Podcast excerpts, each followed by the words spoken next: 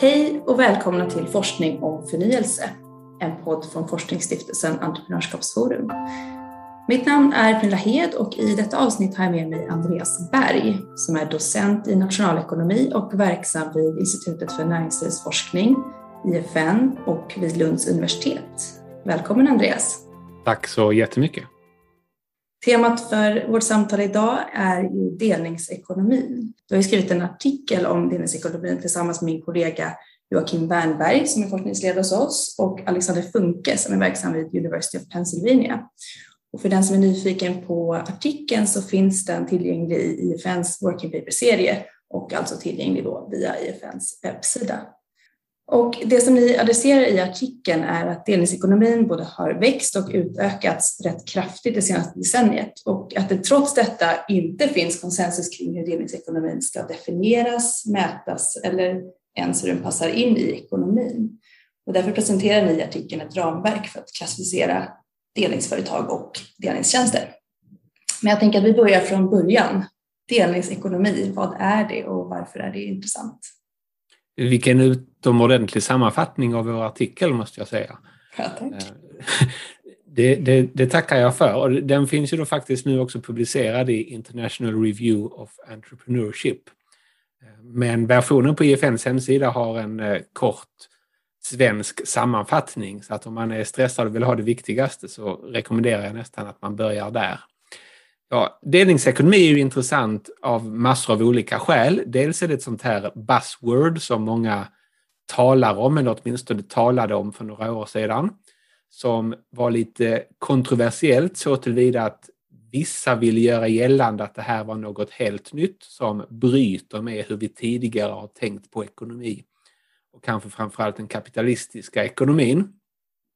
Medan vår ingång när jag skrev det här papper tillsammans med Joakim och Alexander var att det kanske inte var så mycket nytt som stundom påstås i debatten. Och den här viljan att undersöka om, om nya påfund verkligen är så nya eller om de kan förstås med samma gamla ekonomiska verktyg som, som alltid, den lockar mig och den lockade mig även med delningsekonomin. Det som hände som gjorde att delningsekonomin tog fart var ju egentligen att människor började gå omkring med små datorer i sina fickor, det vill säga smartphones. Men väldigt mycket av det som vi menar med delningsekonomin fanns ju redan tidigare. Så i vår kartläggning så kommer ett av de största delningsekonomiföretagen ut som Airbnb. Och vad de gör är ju väldigt, väldigt snarlikt vad som tidigare skedde via radannonser i tidningar där folk hyrde ut sommarstugor eller rum som de inte använde i sin lägenhet. Så i den bemärkelsen så är det här samma ekonomiska fenomen som tidigare. Men vi landar ändå att det finns något distinkt som vi kan kalla delningsekonomi och som i någon bemärkelse är något nytt.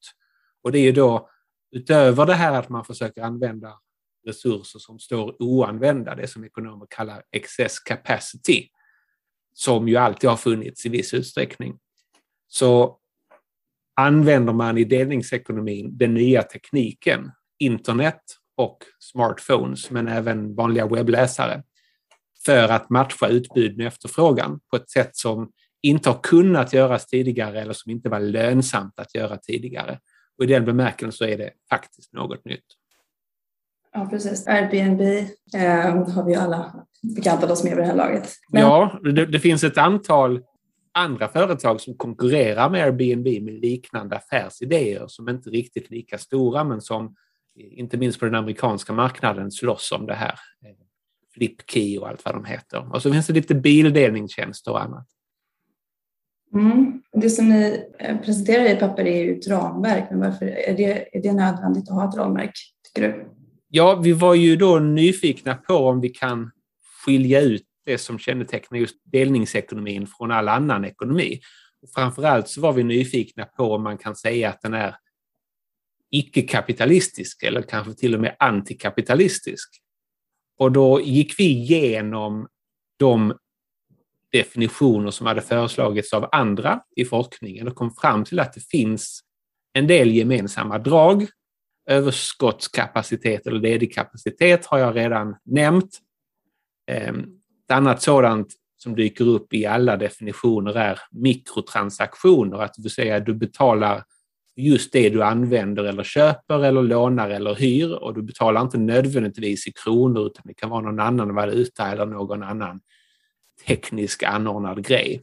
Men du har ingen fast lön och du betalar ingen fast avgift. Det finns ingenting som dras från ditt konto varje månad och du får ingen grundlön utan transaktionen gäller bara just det som du och en, en annan person har kommit överens om och det här matchas hela tiden ad hoc.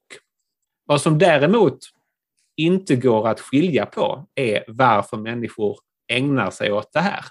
Och därmed menar vi går det inte att skilja ut de som gör det för vinnings skull, av egoistiska kapitalistiska skäl, eller de som gör det av ren välvilja. Så för att ta ett exempel för att konkretisera det, säg att du har ett extra rum som du inte behöver längre för att din son eller dotter har flyttat till Lund och börjat plugga till exempel. Ja, då kanske man tycker att det där borde kunna användas bättre om jag hyr ut det. Eller så tycker man att jag skulle kunna göra mig en hacka på att hyra ut det. Och det går inte riktigt att separera varför människor gör det. Jag är inte ens säker på att de som gör det har helt klart för sig vad som är den genuina drivkraften. Men i vilket fall som helst så går det inte riktigt att göra definitionen avhängig på motivet hos den som hyr ut det. På samma sätt om du har en sommarstuga som du hyr ut via Airbnb. Gör du det för att tjäna pengar eller för att det är synd att den står tom eller lite av båda dera? Och sedan i nästa steg resonerar vi, så kan man då tänka sig att människor kanske beaktar möjligheten att hyra ut en sommarstuga via Airbnb när de skaffar sommarstugan. Och då är det ju faktiskt så att delningsekonomin har ökat marknaden och kanske till och med ökar mängden sommarstugor som köps och hyrs ut. Och därmed så ökar den ju BNP och ökar den vanliga ekonomin så som vi känner den. Samtidigt som Airbnb ger ett bättre resursutnyttjande där rum och sommarstugor står tomma mindre. Så till skillnad från de som menar att det här är något annat som bryter med kapitalismen så ser vi att det är åtminstone teoretiskt konceptuellt samma drivkrafter som ekonomin alltid har haft, det vill säga en kombination av olika mål och medel där viljan att spara pengar eller tjäna pengar är, är en av de många drivkrafter som, som styr människors beteende. Mm. Ja, det verkar onekligen vara en mångfacetterad sektor. Och, ja, det, det, är det verkligen. Därför att mm. sen samlade vi då in data så mycket vi kunde komma över, över alla tjänster som uppfyller de här kriterierna och därmed kan räknas som delningsekonomitjänster. Och då visade det ju sig, som jag sa, att, att det finns några få väldigt stora aktörer. Airbnb är en sådan. Amazon har en arbetsdelningstjänst som heter Mechanical Turk som också var väldigt stor när vi samlade in data och så finns det lite bildelningstjänster som är jättestora. Och, och de här största tjänsterna står för 80, kanske 90 procent av all trafik till delningsekonomi-sajter på nätet. Men sen resten av de 10 procenten är utspridda över hundra, uppemot tusentals olika tjänster som alltså är väldigt få. Så det är en väldigt skev fördelning där några få stora tjänster står för nästan all trafik, men det finns jättemånga små lokala och specialiserade tjänster som också räknas som delningsekonomitjänster. Och ni, I artikeln så gör ni en ansats att klassificera delningstjänster. Hur kan en sådan klassificering se ut och varför är det viktigt att kunna göra en sådan? Det är ju egentligen viktigt för att kunna diskutera vad som skiljer delningsekonomin från annan ekonomi. Om det är främst en fråga om att öka effektutnyttjandet eller främst en fråga om att bättre kunna matcha utbud och efterfrågan eller om det främst är en fråga om att människor hittar varandra på egen hand utan att någon central aktör är inblandad. Och delningsekonomitjänster har en viss del av alla de här tre elementen, men i väldigt varierande utsträckning. Och hur ser det ut i, i den svenska delningssektorn? Har vi, ser du någon skillnad liksom från Sverige jämfört med andra länder och hur det fungerar här versus andra? Igen? Ja, Airbnb har blivit stort även här. Och en del andra delningsekonomitjänster har kommit och gått därför att i en empirisk del av, av vår studie så undersöker vi då vad som faktiskt verkar korrelera, samvariera med storleken på delningsekonomin. Och då noterar ju vi att det finns ett antal faktorer som, som främjar delningsekonomin och vissa som verkar göra den mindre. Eh, Sverige ligger bra till på vissa. Den mest avgörande faktorn som vi upptäcker är faktiskt så basal som eh, internets eh, hastighet och andelen i befolkningen som har tillgång till snabbt internet. Och det kanske är så basalt att man inte ens tänker på det, men hela förutsättningen för att det här ska kunna uppstå är att många har tillgång till ett internet som är tillräckligt snabbt för att det inte ska vara en plåga att använda det. Ehm, men sen dyker det upp andra saker där vi, Sverige inte ligger lika väl rustat. Vi ligger ju bra till när det gäller internetanvändning.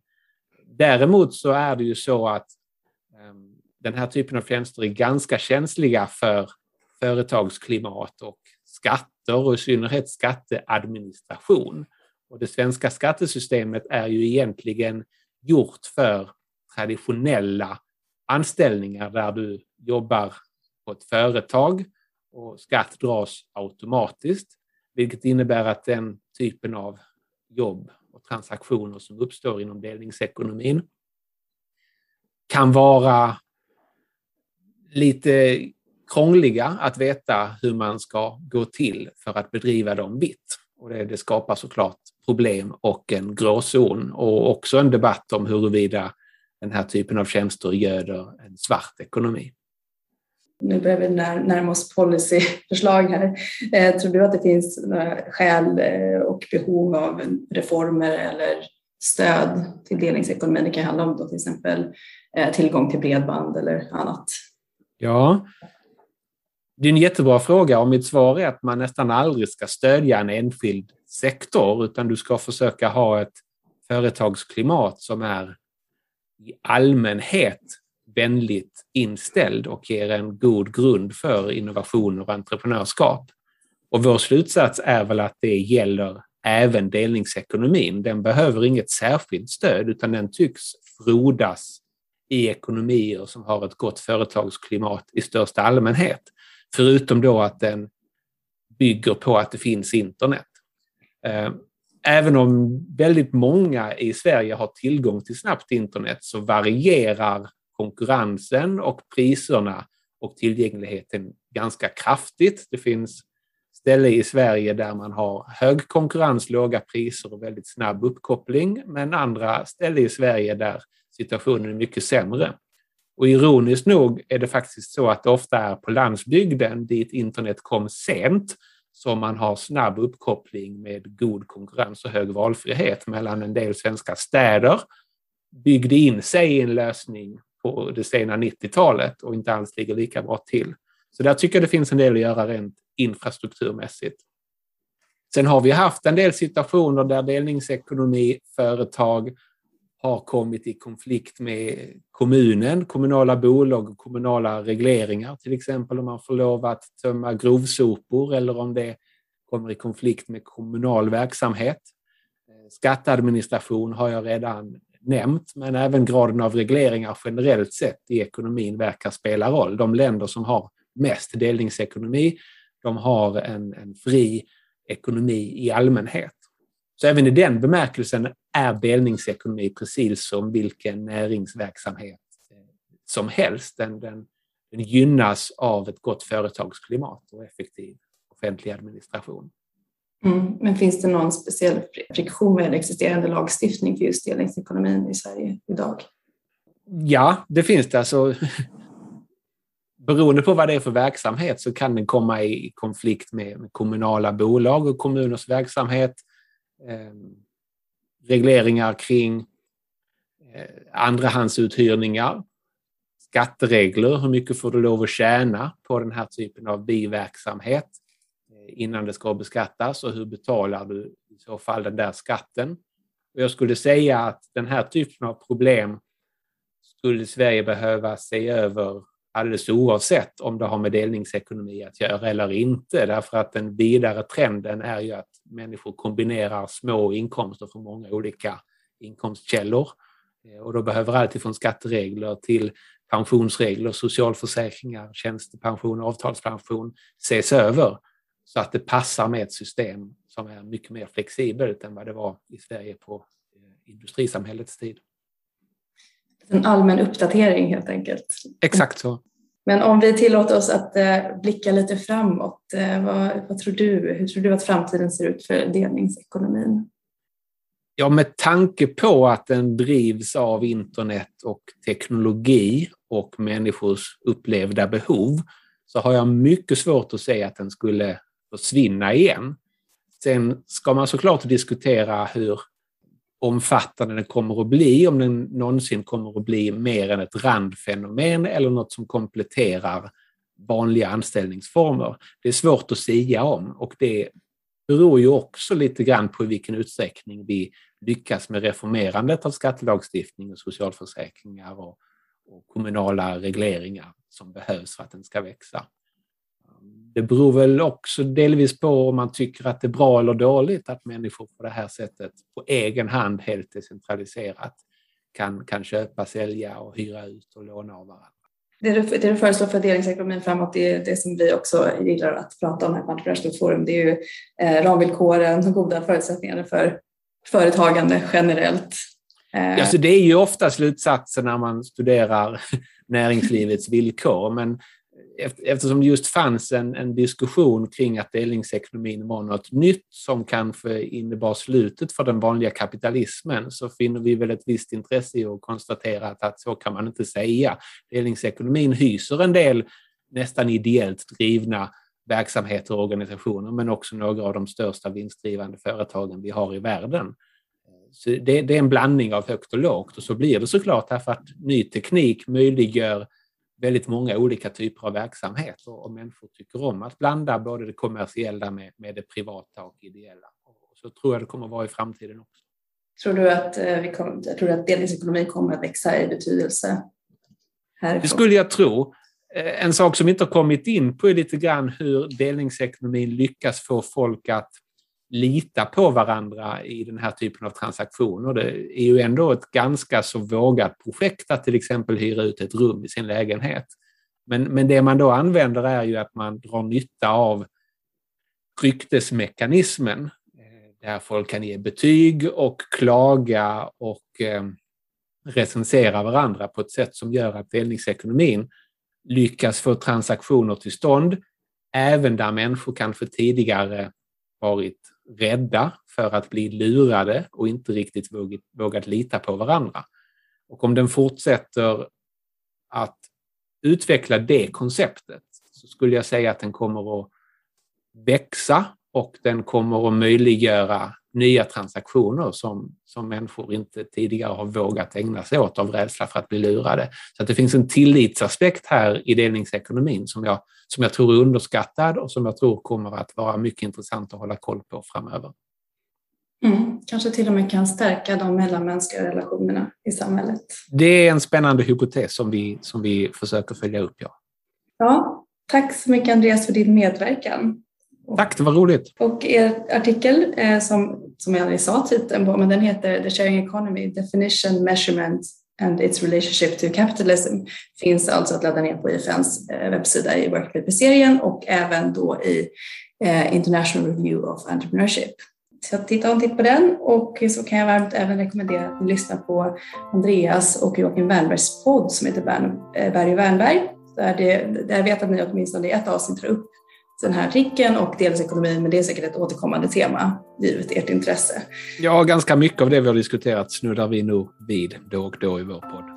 Exakt. Så stort tack till dig Andreas och stort tack till dig som har lyssnat. Tack.